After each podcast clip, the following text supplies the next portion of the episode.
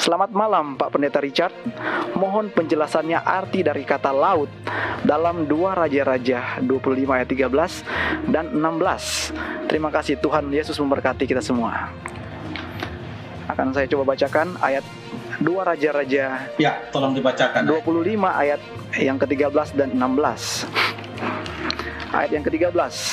Juga tiang-tiang tembaga yang ada di rumah Tuhan dan kereta penopang dan laut tembaga yang ada di rumah Tuhan dipecahkan oleh orang Kasdim dan tembaganya diangkut mereka ke Babel. Ayat yang ke-16. Adapun kedua tiang laut yang satu itu, kereta penopang yang dibuat oleh Salomo untuk rumah Tuhan, tiada tertimbang tembaga sega- segala perkakas ini. Silakan pendeta. Kayaknya ini lautnya ada tanda kutip di dalam terjemahan baru dari Alkitab. Silakan Pak Pendeta. Uh, terima kasih banyak untuk uh, pertanyaan ini. Dalam Alkitab Bahasa Indonesia, kata laut itu ditulis dengan tanda kutip. Ya. Ya. Jadi walaupun memang dalam terjemahan atau dalam bahasa aslinya uh, bahasa Ibrani yam yang artinya adalah uh, laut atau dalam Septuagint talasa yang artinya juga adalah laut atau danau. Memang betul demikian di dalam Alkitab bahasa Ibrani menggunakan kata laut. Tetapi karena kata laut ini bukan menunjuk kepada laut sebagaimana contohnya laut Jawa atau lautan Indonesia dan lain sebagainya atau lautan Pasifik, uh, tetapi karena uh, yang digunakan adalah kata laut dan artinya bukan menunjuk kepada bahwa ada laut dan lautan di dalam bait suci yang dibangun oleh Salomo. Itulah sebabnya maka para editor dan penerjemah uh, Alkitab Bahasa Indonesia oleh Lembaga Alkitab Indonesia saya percaya menggunakan tanda kutip untuk uh, kata laut itu. Nah, mungkin kita boleh baca beberapa ayat lainnya juga yang menyebutkan tentang hal ini selain tadi yang sudah disebutkan dalam dua raja-raja pasal yang ke-25. Bagaimana kalau kita lihat di dalam buku satu raja-raja pasal yang ke-7 karena di sini diberitakan kepada kita tentang apa yang dimaksud dengan laut itu. Di sini cukup jelas uh, dijelaskan dalam satu raja-raja pasal yang ke-7 ayat yang ke-23 sampai ayat yang ke-26. Saya akan baca. Kemudian dibuatnyalah laut tuangan yang 10 hasta dari tepi ke tepi, bundar keliling 5 hasta tingginya, dan yang dapat dililit berkeliling oleh tali yang 30 hasta panjangnya. Ini luar biasa, dikasih tahu kepada kita berapa dia punya tinggi, lalu kemudian berapa dia punya diameter, lalu berdasarkan itu kalau mau uh, menggunakan rumus uh, apa namanya lingkaran, maka tentu di harus tahu juga berapa panjang tali. Jadi saya lihat ada matematikanya di sini, ada berapa panjang tali yang dibutuhkan untuk melilit akan uh, apa namanya melilit akan laut itu dalam tanda kutip. Dan di bawah tepinya ada gambar buah labu yang mengelilingi sama sekali 10 dalam sehasta.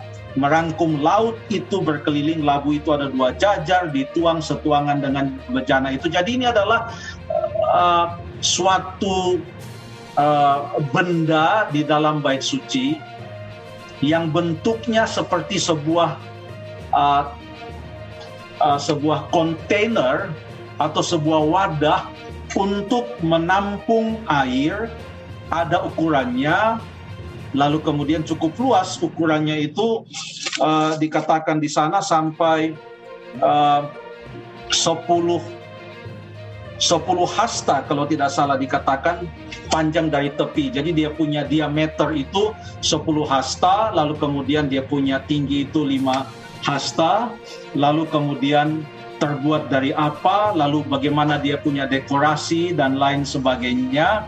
Ayat yang ke-25 laut itu menumpang di atas 12 lembu.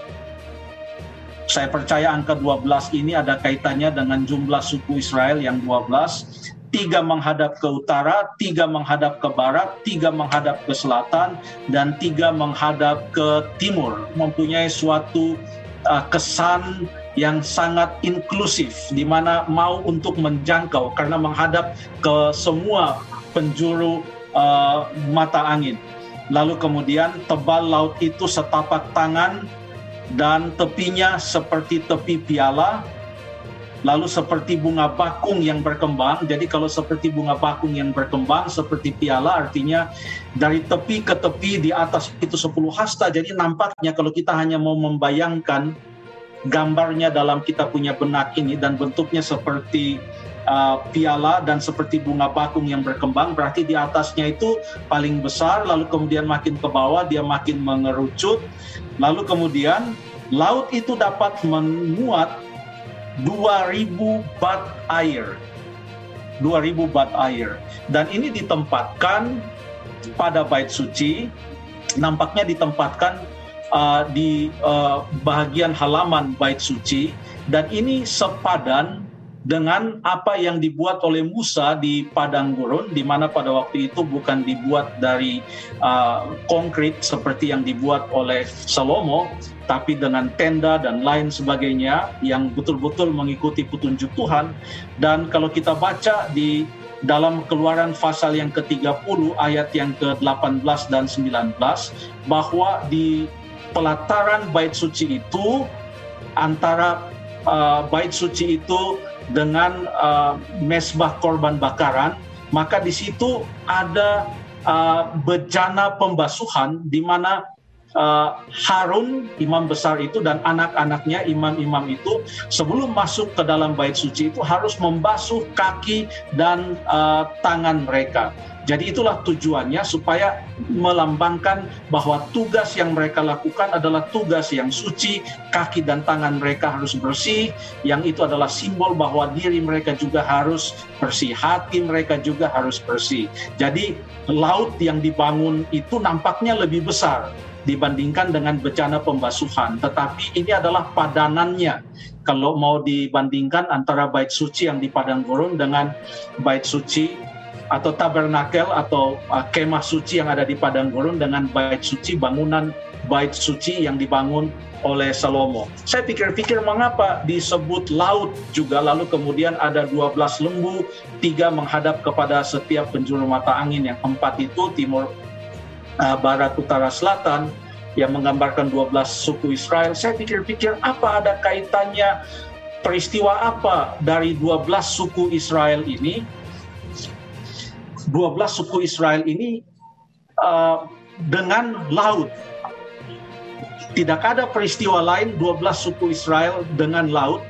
Kalau kita melihat kembali ke belakang perjalanan mereka, maka setelah mereka meninggalkan Mesir, Tuhan menuntun mereka supaya mereka datang ke tepi laut Teberau dalam Keluaran 13 dan Keluaran 14 dua pasal itu menceritakan bagaimana mereka ada di tepi laut Teberau tetapi mereka tidak tahu bagaimana menyeberangnya sementara di belakang tentara Firaun sudah mengejar mereka. Dan saat itulah Tuhan membuat mujizat lalu Tuhan membelah laut itu lalu kemudian orang-orang Israel berjalan melalui laut Teberau tersebut.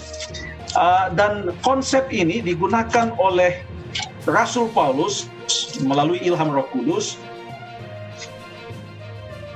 di dalam uh, 1 Korintus pasal yang ke-10 yang mengatakan ayat 1 dan ayat 2, aku mau supaya kamu mengetahui saudara-saudara bahwa nenek moyang kita semua berada di bawah perlindungan awan dan bahwa mereka semua telah melintasi katanya untuk menjadi pengikut Musa, uh, mereka semua telah dibaptis dalam awan dan dalam laut. Jadi rupanya pada waktu mereka dituntun oleh tiang awan yang memisahkan mereka dan orang Mesir supaya orang Mesir tidak melihat mereka, lalu kemudian mereka menyeberangi laut Teberau yang terbelah secara mujizat itu, maka uh, Paulus menggunakan istilah mereka dibaptis dalam awan dan dalam laut.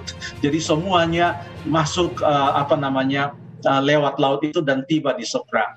Uh, saya percaya uh, uh, utensil atau uh, perabot uh, perabot yang dinamakan laut yang dibangun oleh Salomo uh, pada bait sucinya itu uh, selain itu sepadan atau sejalan dengan bejana pembasuhan yang dibangun oleh atau dibuat oleh Musa kemah suci di padang gurun maka itu juga mengingatkan kebesaran Tuhan memimpin bangsa Israel sehingga mereka boleh menyeberangi Laut Merah.